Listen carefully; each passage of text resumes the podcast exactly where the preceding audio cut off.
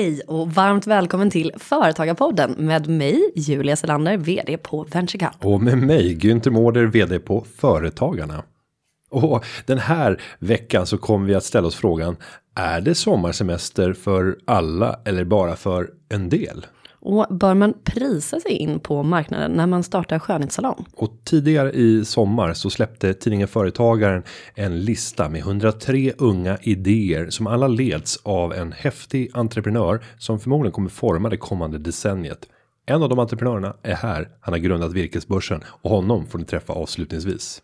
Det får ni göra. Varmt välkomna alltså till Företagarpodden. Podden som vill göra dig som företagare eller blivande företagare mer framgångsrik.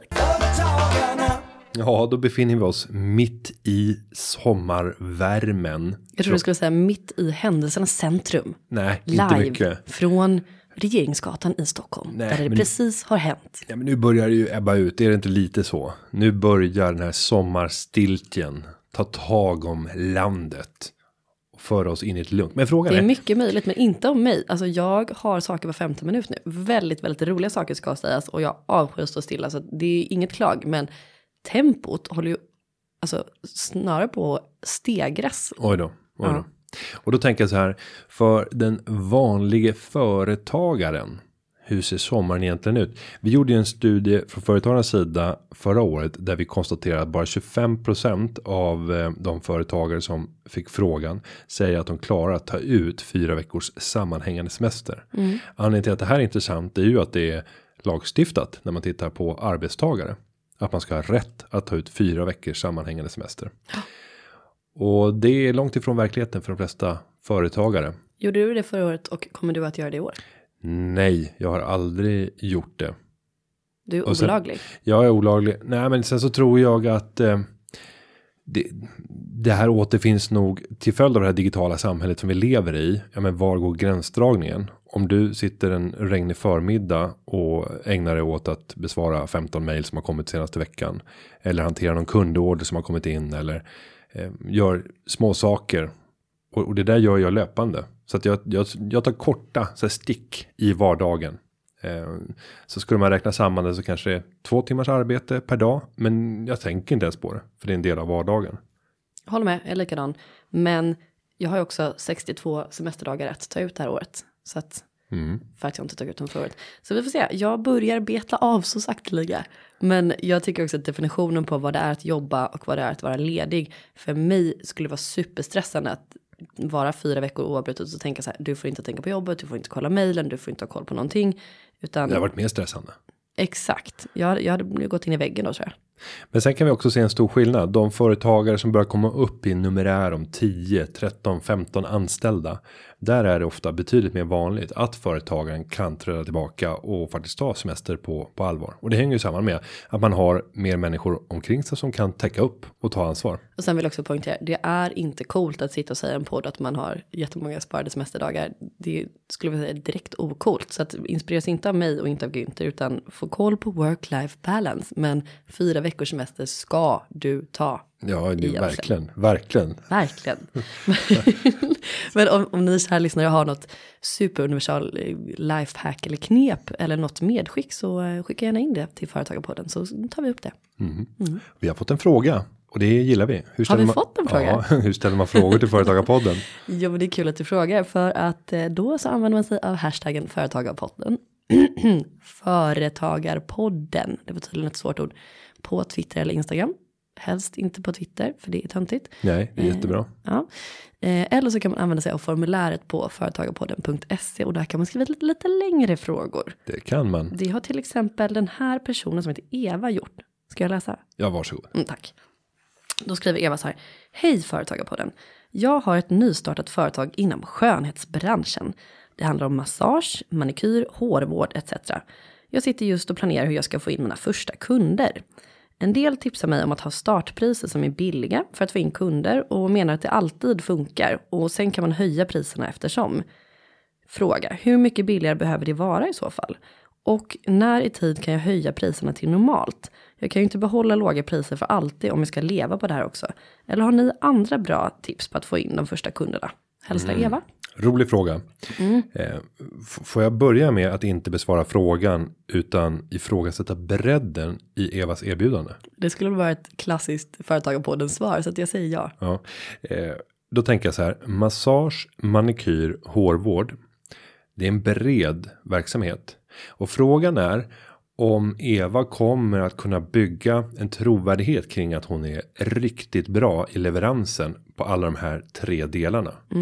Jag tror att hon skulle behöva specialisera sig på ett område för att då mycket lättare kunna kommunicera ut sitt marknadserbjudande. Vad är det jag kan hjälpa dig med? Eh, och sen så framförallt att bygga en bild och en story kring henne själv om att hon är väldigt skicklig på det här. Jag känner väldigt få som klarar av den här bredden och det kan vara lockande att göra det för att man tänker att men då kan jag få fler kunder. Om vi även erbjuder att byta däck på bilen så får vi bra omsättning precis på våren där och på hösten. Men alltså ju bredare man blir desto svårare är att behålla fokuset och bli riktigt erkänd inom sitt område. Så det är mitt första tips till Eva. Fundera på vilket av de här områdena skulle du kunna bli den här omtalade specialisten kring? Ja men så pass bra nischad att man kanske inte heller behöver ha lockpriser som är strax under vad konkurrenterna ute. Utan att man faktiskt levererar en bättre service och en bättre resultat till kunden. Att det är därför man får in dem. Och sen kan man ju en, en viktig fråga att ställa till Eva. Det är också på vilken marknad befinner hon sig? För här är det ju en fysisk leverans av, av dess nåde. Det här är ju inte en, en e-business utan människa mot människa. Du har händerna som verktyg och då behövs eh, en analys över hur stort är upptagningsområdet för potentiella kunder. Jag får känslan när jag läser frågan att Eva verkar på en väldigt liten ort.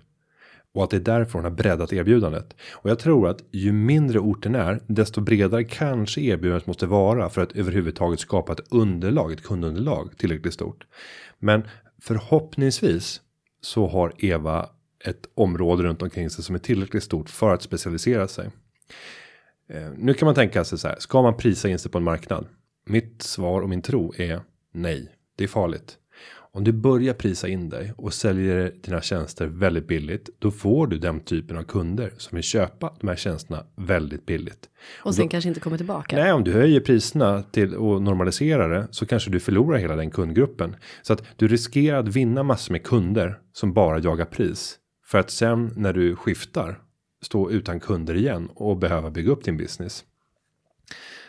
En annan fråga som jag undrar det är så här. Driver hon en egen salong i en separat, alltså i en salong inne i en stad? Eller har hon gjort, och det här, nu ska jag berätta en, en story. När jag åkte mellan Piteå och Luleå senast. Så slog det mig på höger sida innan man kommer in i Luleå. Så finns det just en sån här skönhetssalong. I en villa längst den stora vägen. Om man bara funderar. Hur funkar det här? Men hur vet du att det var en sån då? Nej, men det var stod stor skylt. Stor skylt utanför. På villan. Svängde du av? Här kan man fixa sig. Få lite smink. Eh, Jag vet inte. Men följaktligen så måste det ju fungera. Nu har inte jag gjort någon marknadsundersökning eller tittat på alla bolag för att se om om, om bolaget flyger. Eh, Men det är så coolt. Vi, en hemmasalong. vi gör en shoutout. Om du eller någon i din närhet känner att jag vet vilken salong Günther pratar om. Mellan vad sa du, Piteå och Ja, när man åker från Piteå till Luleå på höger sida innan man kommer in till Luleå. Kan inte säga hur många kilometer innan, men säg 3-4 kilometer innan Luleå. Har du koll på den här verksamheten eller vem som äger den, då är vi jätteintresserade av att komma i kontakt med den här personen. För vi vill höra hur hen har nischat in sig till sina kunder. För, för säkert så kan den här personen ge Eva en del tips. Om det är så att det funkar. Annars så tänker jag så här. Okej, när man lanserar en skönhetssalong. Då tänker jag invigning. Jag tänker snittar. Jag tänker någon så här halvkänd person som är där och ger sina bästa tips inför skönhetssommaren 2018. Och du tänker också salta pinnar, för det gör du alltid på mingel. Salta pinnar. Det är lyxigt. Ja, nej, nej men folk är rätt knäsvaga för sånt där och du kan ju köpa adressregister för att kunna göra ett utskick av en ganska vacker inbjudan. Visst, det är en stor kostnad att göra det utskicket, men det kan vara otroligt värdefullt för kundanskaffningens skull. Ja, man kanske inte heller helt ska tänka att allting digitaliseras, utan att man faktiskt även kan göra fysiska inbjudningar till exempelvis eh, ja, invigningar och liknande av den här salongen. Ja, för tänk dig att det är ett upptagningsområde på en mil i radie kanske kring den här salongen beroende på om det är stad eller om det är en by. Eh, Och sen väljer man ut alla kvinnor som är 30 till 50 om det är målgruppen. Och sen så gör ett direktutskick med, där det står att det är en personlig inbjudan. Eh, Eh, Jag tror att många skulle tycka att det var en rolig sak att gå iväg på eh, och, och få lite snittar och vin och lite skönhetstips och se den nya happeningen här. Nu har vi öppnat upp. Och då gäller det att du har ett förfarande där de anmäler sig. Annars blir det svårt att räkna på hur många salta pinnar man Ja, köpa. men, men det så tänker jag att det är ditt första kundregister. Så att när de anmäler sig så har du en rad prospects där du har samlat in personens namn, e-post och mobilnummer. Och utifrån det kan du sen börja fylla på med information utifrån GDPRs alla krav. Tänkte just Eh, på det. Se till att ha samtycke och det gäller att ha en samtyckesklausul som man godkänner när man avlägger sina personuppgifter och vad och en tydligt motiv till vad du ska använda de här uppgifterna till. Så att eh, med de tipsen ska vi eh, se om vi får återkomma till Eva. Ja, men jag hoppas det. Ja. Och kör hårt. Jag tror på dig Eva. Det gör jag med. Du, vi har kanske två potentiella kunder här. Günther och Julia. Ja, kanske. Vi får se vem som får bästa frisyren Hittas, och massagen. hittas. Spännande. Nu ska vi bjuda in vår alldeles särskilda sommargäst. Entreprenören som var med och startade virkesbörsen och håller på att förändra hela sättet som vi köper och säljer virke i Sverige. Han har listats som en av de 103 unga idéerna i tidningen Företagaren. Där du kan hitta mängder av spännande entreprenörer som du kanske skulle kunna samarbeta med eller kanske investera i. Ja, listan går att använda för många saker. Nu säger vi välkommen till Adam Aljaraida. Då hälsar vi Adam Aljaraida välkommen till Företagarpodden. Tack snälla. Gud vad roligt att ha det här. Eh, En av de 103 unga idéerna som har listats som spännande entreprenörer inför eh, det kommande decenniet. Vad är det du gör? Eh, jag driver en digital marknadsplats. Eh, ett Hemnet eller ett Blocket, men för virkesaffärer. Så eh, en marknadsplats mellan skogsägare och skogsbolagen kan man säga.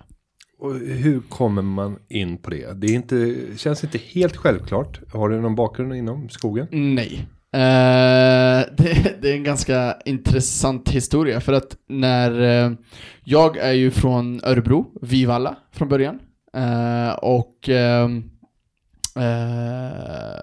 pluggade då, gick i skolan som vanligt och när jag kom upp i gymnasiet så visste jag faktiskt inte ens att KTH fanns. Eh, och eh, en dag så uh, satt jag hemma i, i Vivalla och, och väntade och hade ingenting att göra. Så droppade ner en, eh, en katalog i brevlådan. Och första sidan då var ju en bild på Borggården på KTH. Mm. Eh, ni har säkert sett hur den ser ut. Och då tänkte jag, wow vilken cool skola. Vad, vad är det här för någonting liksom? Så började jag bläddra i den, bläddra, bläddra, bläddra och då insåg jag bara, ja men jag vill plugga på KTH. Uh, eh, och uh, så den katalogen läste jag ut kanske fem eller sex gånger. Så jag kunde varenda linje på KTH, jag kunde varenda lärare på KTH, jag kunde eh, vilka kurser som fanns i varenda linje, så jag kunde allt om KTH.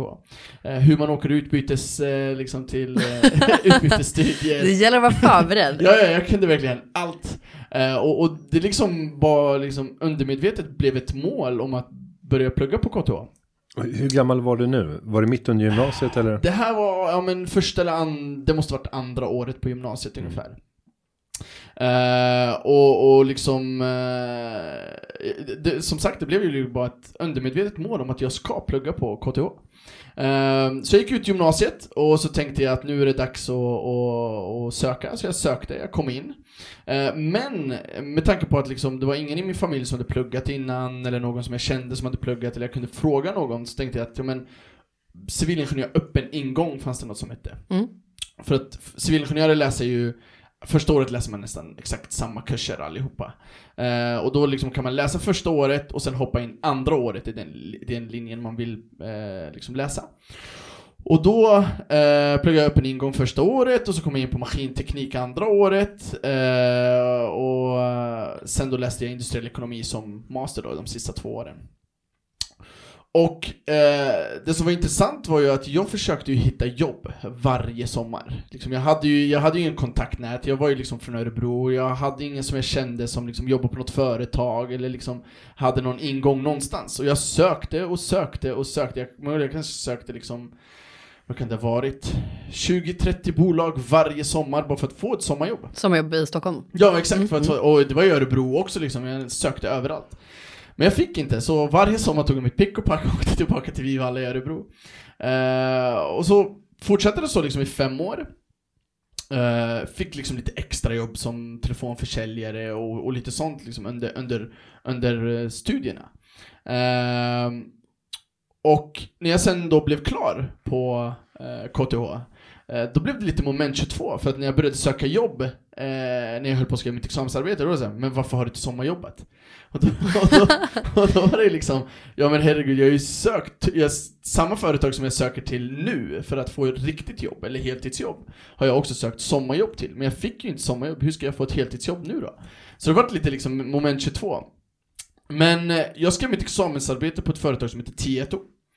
Eh, och eh, så liksom jag sökte jobb och sökte jobb och sökte jobb, fick ingenstans liksom. Bara nej, nej, nej. Så det var liksom jättesvårt att få ett jobb. Och då tänkte jag, men eh, och, och i samband med att jag skrev mitt examensarbete på Tieto så, så startade Tieto då eh, ja, men management consulting inom skogsindustrin. Och liksom jag tyckte ju skogsindustrin, jag, jag, jag har ingen aning om vad det är, jag visste inte ens vilka bolag som fanns där, jag liksom hade noll koll. Men jag tänkte så här, eh, och, och min chef då, som, som var min chef på Tieto, eller som rekryterade mig till, till, eh, till Tieto, eh, är ju den som jag har startat bolaget med idag.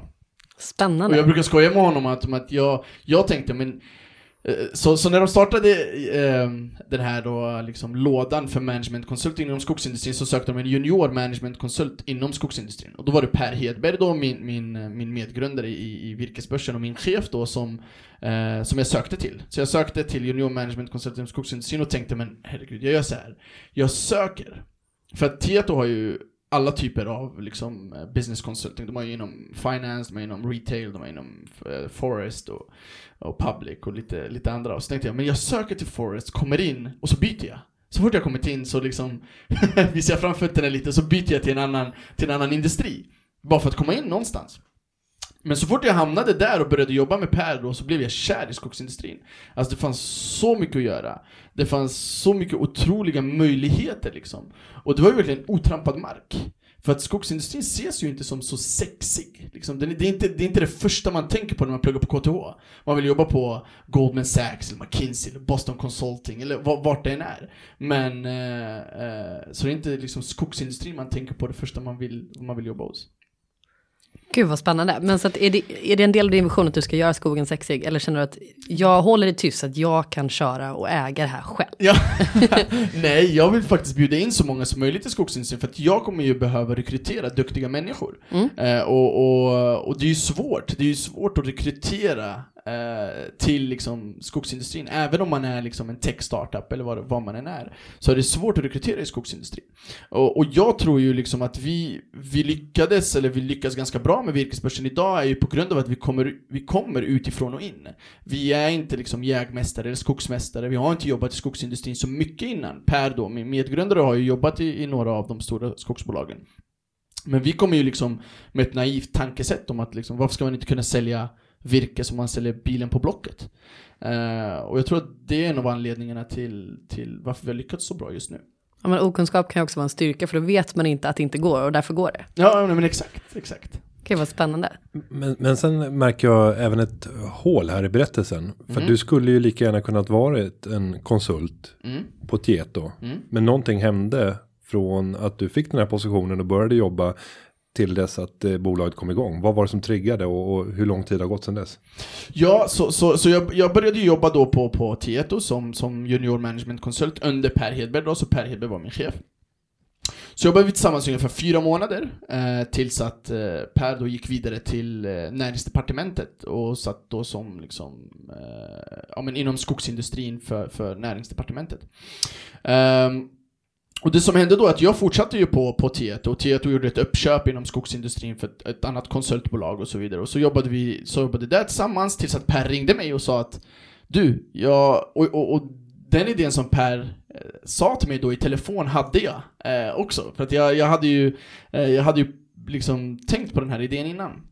Så Per att, du, varför kör vi inte en marknadsplats för virke? Liksom. Eh, och jag tyckte det var klockrent och då sa han, jag vill rekrytera in dig, eh, så sätter vi ihop det här tillsammans och så får du sitta som VD på, på virkesbörsen. Och så tänkte jag, men fine, det, det låter bra. Eh, och det var ju liksom ganska kul att den, den, den första personen som trodde på mig och liksom rekryterade mig till Tieto också tror på mig och fick ett så gott intryck att liksom starta ett bolag tillsammans med mig och sätta mig som VD och så vidare. Så eh, ja, om vi tittar på själva virkesbörsen idag och funktionaliteten. Hur ska man beskriva den? Om jag är en potentiell köpare, vem är jag? Mm. Och, och vem är säljaren på Mm. marknadsplatsen? Precis. Så, så, så som skogsindustrin eller som, som virkesaffärer funkar idag eh, så har vi 330 000 privata skogsägare i Sverige. Uh, ungefär 60% av dem är enskilda. Uh, det vill säga man är, man är en privatperson som, som äger lite skog. Uh, sen har vi ju liksom, vi har ju Svenska kyrkan som äger mycket, vi har ju liksom staten med Sveaskog som äger ganska mycket skog och så vidare. Så idag som skogsägare så kan du ju liksom gå ut i din skog, eller innan virkesbörsen då, men så kunde du gå ut i din skog och stå där och liksom Du visste inte vem som köpte. Du visste inte vad man betalade. Du visste inte hur många köpare det finns i ditt område.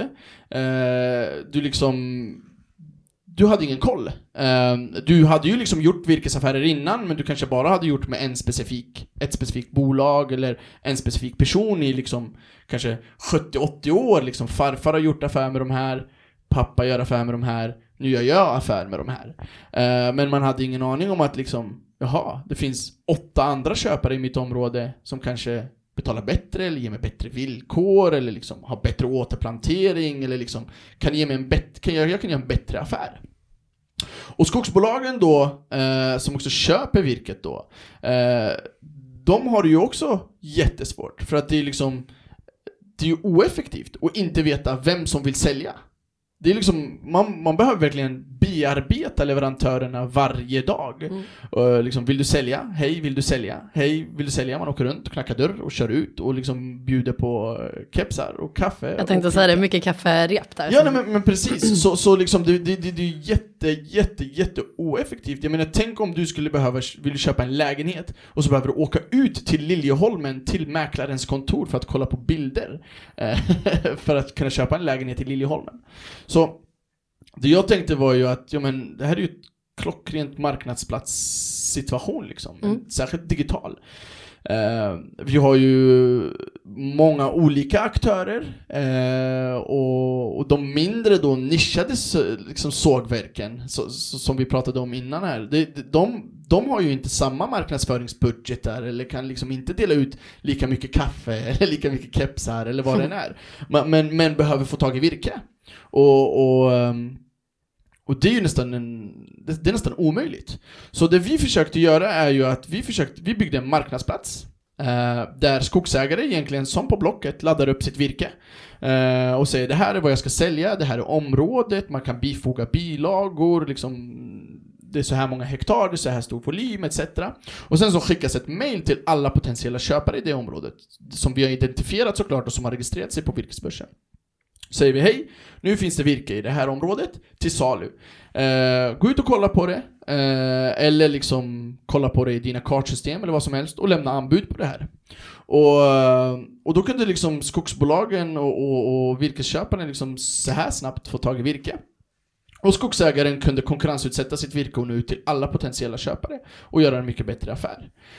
Ehm, och sen då har vi ju såklart byggt på, så eh, e-, egentligen så började ju virkesbörsen som en prisjämförelse. För att alla skogsbolagen har ju prislistor ute på sina hemsidor. Men det är nästan omöjligt att jämföra de här prislistorna, för det är olika enheter, det är olika priser, det är olika längder etc. Så det vi gjorde först var ju att vi tog alla de här prislistorna från alla skogsbolagen som publicerar dem. La in dem i en databas egentligen, så skogsägaren kunde säga men jag bor i Piteå, vill sälja grantimmer. Eh, och då kunde vi visa vilka bolag som finns runt omkring och vad de betalar. Men de listpriserna då, eller de priserna som finns där ute, är ju som bankens eh, ränta på hemsidan. Liksom. Det är det högsta man kan, liksom det är det sämsta man kan få egentligen, eller det lägsta man kan få. Eh, så man, liksom när man, när man pratar med banken så får man ju alltid lägre ränta, det är samma sak där. Pratar man med skogsbolagen så får man ju tillägg och avdrag och så vidare. Så då sa ju skogsägarna ja men varför finns det inte en marknadsplats där vi kan ta in anbud och få rätt pris direkt? Mm. Eh, och det var då idén kom om en, om en digital marknad, marknadsplats. Sen har vi ju släppt någonting som heter Skogskompis. Och tanken med Skogskompis är ett Kry eller, eh, eller min doktor då för, för, för skoglig rådgivning egentligen. Eh, för att man kan göra ganska mycket eh, genom telefon eller dator. Och det, det har vi insett. Man behöver inte alla gånger åka ut och kolla på skogen. Och vad är det för någonting man kan göra där? Eh, På Skogskompis så kan man ju liksom registrera sig och säga jag vill ha en tid med en skoglig rådgivare. Och då säger man om jag vill behöva hjälp med kontrakt eller med virkesaffären eller vad ska jag plantera för skog nu eller ska jag markbereda det här eller ska jag, ska jag köra på den här vägen eller inte? Så det är liksom allt runt eh, sin liksom, skog och sin virkesaffär. Och när vi pratar om en, en marknadsplats som plötsligt effektiviserar hela marknaden så blir ju alla per definition vinnare. Men det finns ju några som vinner mer än vad andra gör och då tänker jag så här vilka är de som vunnit relativt minst? Och jag tänker att det är de här största skogsbolagen som är de naturliga tagarna av virket som själva sitter med stora sågar. För dem så har det här kanske inte varit den relativa förbättringen utan det är de små aktörerna som verkligen tjänar på det. Som kommer ut på en bredare marknad. Är det en rätt analys? Eller? Ja, alltså...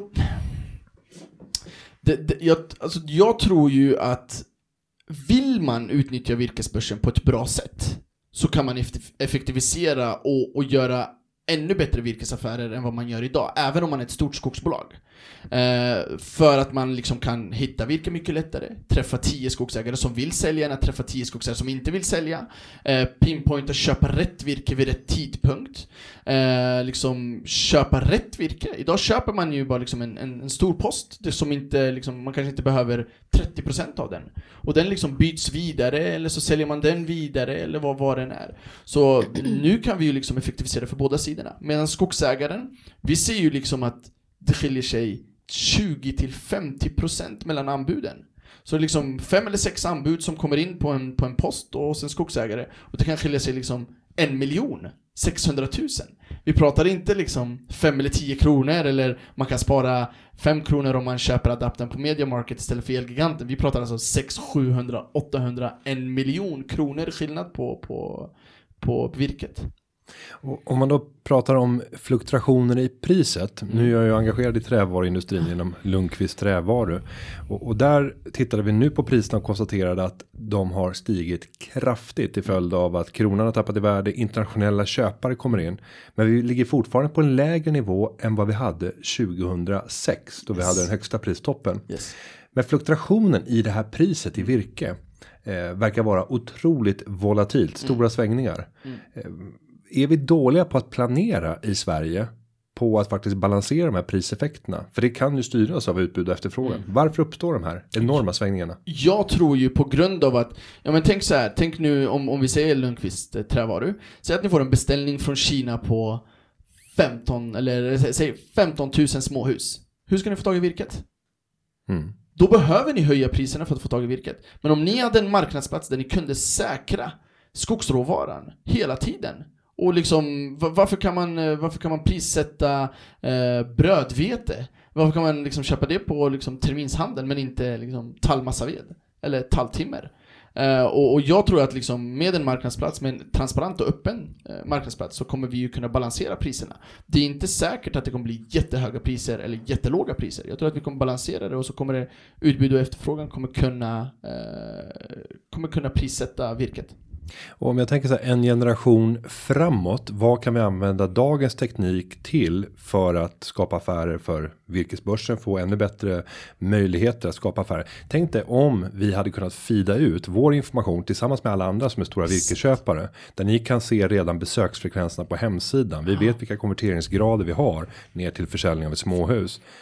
I ett sånt läge så skulle ni kunna sitta och ge indikationer om när borde man gå in för avverkning? När ska du som skogsägare verkligen passa på och Absolut. kunna ligga flera månader i förväg för att på så sätt kunna balansera Absolut. de här effekterna? Absolut. Tänk om, vi, tänk om vi skulle kunna ha en likvid börs. Tänk om vi skulle kunna ha en likvid virkesmarknad. Då skulle liksom så fort en order kommer in från Kina för Lundqvist trävaru så har ni handlat råvara.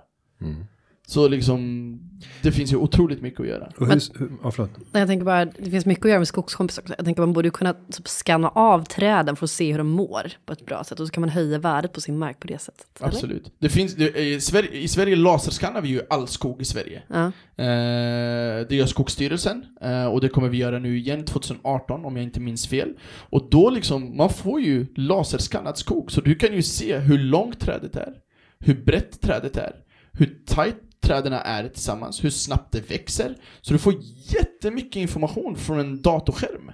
Så jag menar om vi, om vi kan liksom, eh, när en skogsägare laddar upp sitt virke, kan eh, ladda upp eh, om en laserskannad skog, eh, en drönarfilm och, och, och, och sin skogsbruksplan då, eh, då, då kan ju liksom en robot egentligen köpa hem råvaran. Spännande. Stora möjligheter framåt. Ja. Eh, när ni tittar på er egen produktutveckling framåt, hur kan man ytterligare effektivisera den här marknadsplatsfunktionen som ni ändå är? För det låter ändå som att det är rätt mycket manuell handpåläggning från varje enskild aktör. På grund av att det är olika beskaffenheter och så många olika parametrar man ska ta hänsyn till. Ja. Det är ingen homogen produkt. Nej. Eh, hur kan man göra den produkten mer homogen? Mm. Det, det, det är ju det är en jättebra fråga. Det vi försöker se nu är ju liksom trender egentligen. Vad, vad vill man sälja i Dalarna? Liksom, hur, hur, hur, eh, hur lägger man upp sitt virke i, i Dalarna? Vad är det man utgår ifrån? Vad vill köparna i Dalarna? För att varje köpare är ju unik i sig också liksom. Ehm, vad, vad, vad, liksom, vad vill sågverken i Dalarna köpa exakt? Vad behöver de för information för att kunna lämna ett anbud och känna sig säkra? Eh, så det vi försöker göra är att standardisera ett sätt. Idag finns ju, som du säger, det är inte en homogen produkt, men det finns ju också tusentals sätt att prissätta och skriva kontrakt och, och hur man köper virke och om man åker ut eller om man inte åker ut eller om man har en inköpsorganisation som är extern eller intern. Så det finns ju jättemycket sådana såna delar som vi vill standardisera idag. Enheter. Um, så det vi försöker först och främst se är ju hur kan vi standardisera inköpsprocessen? Och sen då kollar vi också på hur kan man standardisera försäljningsprocessen? Och hur kan vi göra det så enkelt som möjligt att ta in anbud och köpa virke? Om vi nu talar om utländska aktörer. Mm. Hur eh, många är det som har upptäckt möjligheterna med virkesbörsen? Mm, det, det är ganska många faktiskt. Eh, det, det är jätteintressant för att vi, eh, jag menar vi, på riktigt lång sikt, för att Sverige ska vara konkurrenskraftiga och vi ska vara starkast när det kommer till skogsindustri, då måste vi kunna göra så många olika produkter som möjligt. Massa, eh, småhus, eh, liksom sågade trävaror, hjälmar i träd, textil, eh, biodiesel. Vi måste kunna göra allt. Även om, om vi ska klara bioekonomin, då måste vi bjuda in utländska aktörer att både investera i Sverige och liksom bygga upp sin produktion i Sverige. Men du kan ju inte begära av någon utländsk aktör att Ja men ska du, ska, du, eh, ska du investera i Sverige och öppna upp ett massabruk, ja men då måste du, då måste du ha en köporganisation på 500 personer för att få tag i virket. Det går de aldrig med på. Det, det, det, är- det, är liksom, det är ju omöjligt för dem. De vill ju kunna sitta och liksom prissäkra sitt, sin råvara och liksom köpa för ett visst pris vid ett visst tidpunkt och, och liksom säkra att de får råvara. Eh, för det är ganska stora investeringar i skogsindustrin. Men vi vill ju med virkesbörsen också öppna upp Sverige och Sveriges rå, skogsråvara till utländska aktörer. För att få så många olika produkter och nischar som möjligt. Finns det motsvarande marknadsplatser ute i Europa eller övriga Norden? Mm, så jag vet att i, i Finland så finns det en, en, en virkesbörs som, som går eh, ganska bra faktiskt. Uh, Köpa upp den, är det läge? Prata med Back in Minds. Ja, men det är intressant för att ni har ju tagit in kapital via dem. Kan du inte Precis. berätta lite om den eh, upplevelsen? Ja, eh, det, var, det, är en, det är en ganska intressant upplevelse. Så om det är någonting, eh, vi pratade om att om jag, om jag ska ge något tips till entreprenörer. Ja. Eh, entreprenörer som letar riskkapital, börja tidigt. Det är en sån lång process. Alltså det är riktigt, riktigt långa processer. Uh, och, det är liksom fram och tillbaka och, och det är så liksom i vem jag än pratar med som har tagit in riskkapital. Och det som är intressant med, med Back in Minds är ju att en intressant grej med virkesbörsen är ju att vi hade ett gigantiskt intresse när det kom till vår nyemission. Med tanke på att liksom liksom uh, woodtech eller skogstech. Jag älskar att det finns woodtech. Ja. Ja. nej, men det, det finns ju inte. Ja, nej. Nej, men jag menar bara det är med uttrycket, det är så här- virkesbörsen som du, det, det liksom har När allting är tech så blir det så här prop tech, property tech, eller Ja, nej, wood men tech exakt. för skogen, eller ja, beauty tech. Okej, men fortsätt. Ja, nej, men det tar exakt. lång tid. Så, så, så, så det, det tar ju lång tid. Och, det, och det, som är, det som är intressant är ju att, jag menar, eh, kollar vi på fintech eller på eh, liksom, insurance tech eller vad som helst, så finns det ju ganska mycket startups. Det finns ju det har hänt jättemycket där. Mm. Men kollar man på skogsindustrin så finns det inga. Och, och, och, och när man kollar ju liksom, vi, vi pratade här precis innan, innan podden om att, liksom att förmögenheterna i Sverige har ju bildats på skogsindustrin. Genom skogsindustrin. Jag menar, det är ju malmen och skogen som, som, som, som, som har liksom, det är Sveriges ryggrad. Och när, när, när man kommer och startar en startup inom skogsindustrin, då blir man helt plötsligt jätte, jätte attraktiv. Och det, det är liksom en, en det var en gigantisk intresse för vår nyemission, vilket var väldigt kul. Men, men när, det vi tänkte när, när, när vi tog in riskkapital så tänkte vi att, ja men eh, hur ska vi fortsätta vara oberoende? För att en marknadsplats så är det ganska viktigt att vi är oberoende, så vi är varken på ena eller den andra sidan. Och, och, då, tänk, och då, då Eftersom det fanns ett ganska stort intresse så träffade vi ju Back in Minds också och det, det är ganska kul för att Back in Minds sitter ju i, på Norrsken också eh, med, med Sara, och, Sara och Susanne och, det, och, och de hade ju letat startups inom skogsindustrin men, men hade inte träffat på oss och vi satt ju liksom i samma byggnad. Um, men sen introducerades vi och, och, och, och träffades och det som var intressant där är ju att de också kommer från en utifrån, de kommer ju från ett utifrån perspektiv liksom.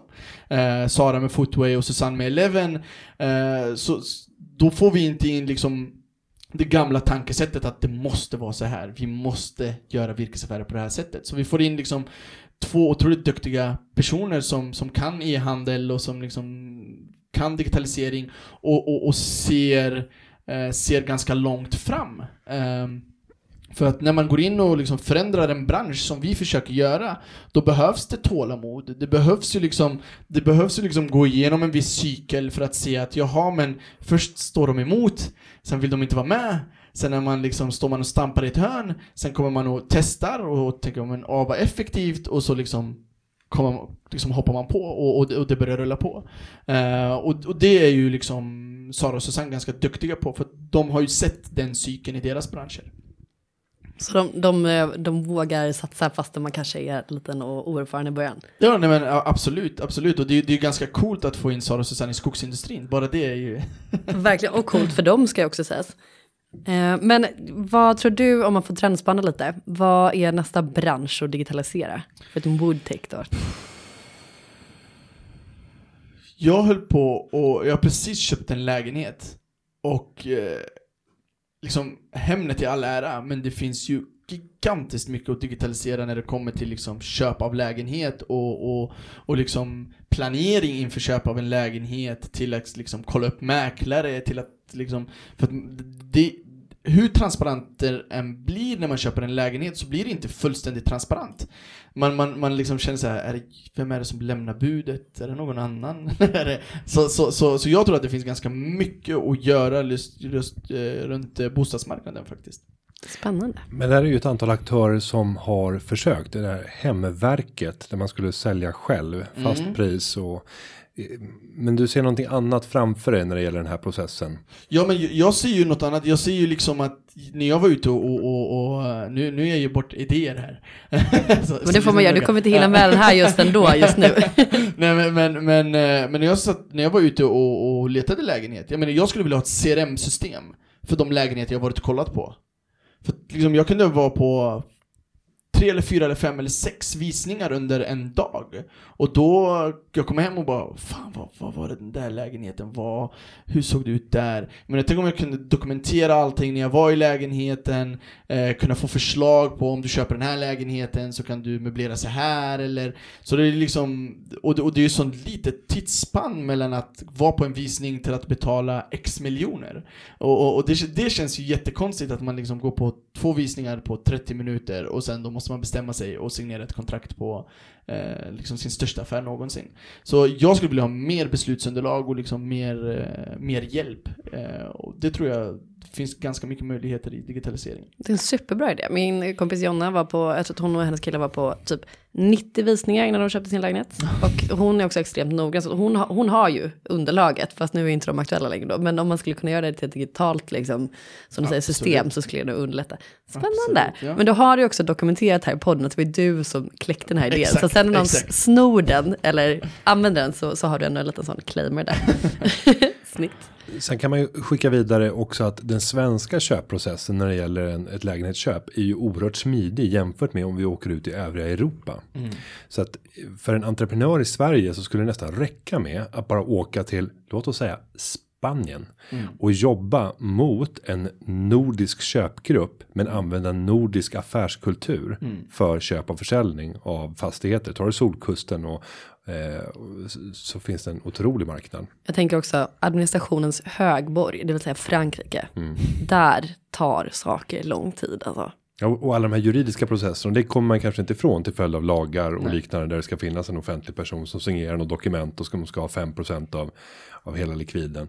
Eh, Det är ett bisarrt system, men Sverige är smidigt. Eh, men eh, ibland så räcker det med att bara ta någonting som har kommit längre i Sverige, ta det utomlands. Men för er del, ni tänker förbli i Sverige än så länge eller planerar ni för en internationell expansion? Vi kollar, vi kollar ganska mycket på det och, och, och det som är det som är intressant är att den internationella expansionen har sökt oss, vi har inte sökt den. Så det, det, det är ganska intressant liksom. Vi får ju ganska mycket förfrågningar. Eh, men vi får se, vi får se. Ja, spännande och det är ju otroligt spännande när man läser en sån här lista som vi gjorde med en sammanställning av eh, unga vassa nytänkande entreprenörer där, där du är en av dem. Jag kommer med stor spänning och glädje följa den fortsatta utvecklingen och hoppas kunna sitta här kanske om ett eller två år och få höra om alla stordåd som har har gjorts sedan dess. Verkligen. Så med det så tackar vi vår sommargäst Adam för att du kom hit och berättade mer om virkesbörsen och inspirerade oss kring entreprenörskap. Tack snälla. Tack. Och där har Adam lämnat studion och Julia och jag sitter ensamma kvar och längtar ut i sommarvärmen Lämnar fyllda av inspiration. till skogen. Till skogen. Ja. Vi ska ut i skogen. Leta virke. Nej men skämt åsido, jag blev väldigt pepp på skogen. De enda sko- träden jag ser är ju typ de i, i Kungsträdgården. Och de har blommat ut. Flera Mm. det har de. Det har de. Jag behöver ge mig i- iväg från Stockholm, men fasen var inspirerande. Ja, nu tycker jag att vi kastar oss ut i sommarvärmen och jag hoppas att du där ute njuter och att du känner att den här podden har gjort att du som företagare eller framtida företagare får lite bättre förutsättningar att lyckas. Mm. Med det säger vi att podden har förberetts av Karin Nygård och klippningen den är gjord av Gustav Dalesjö. Vi hörs i sommarvärmen. Det gör hej, vi. Hej. Ha det bra. Hej då. Företagarna. Ja, ja, ja, ja, ja, ja. Företagarna. ay, ay, ay, ay, ay.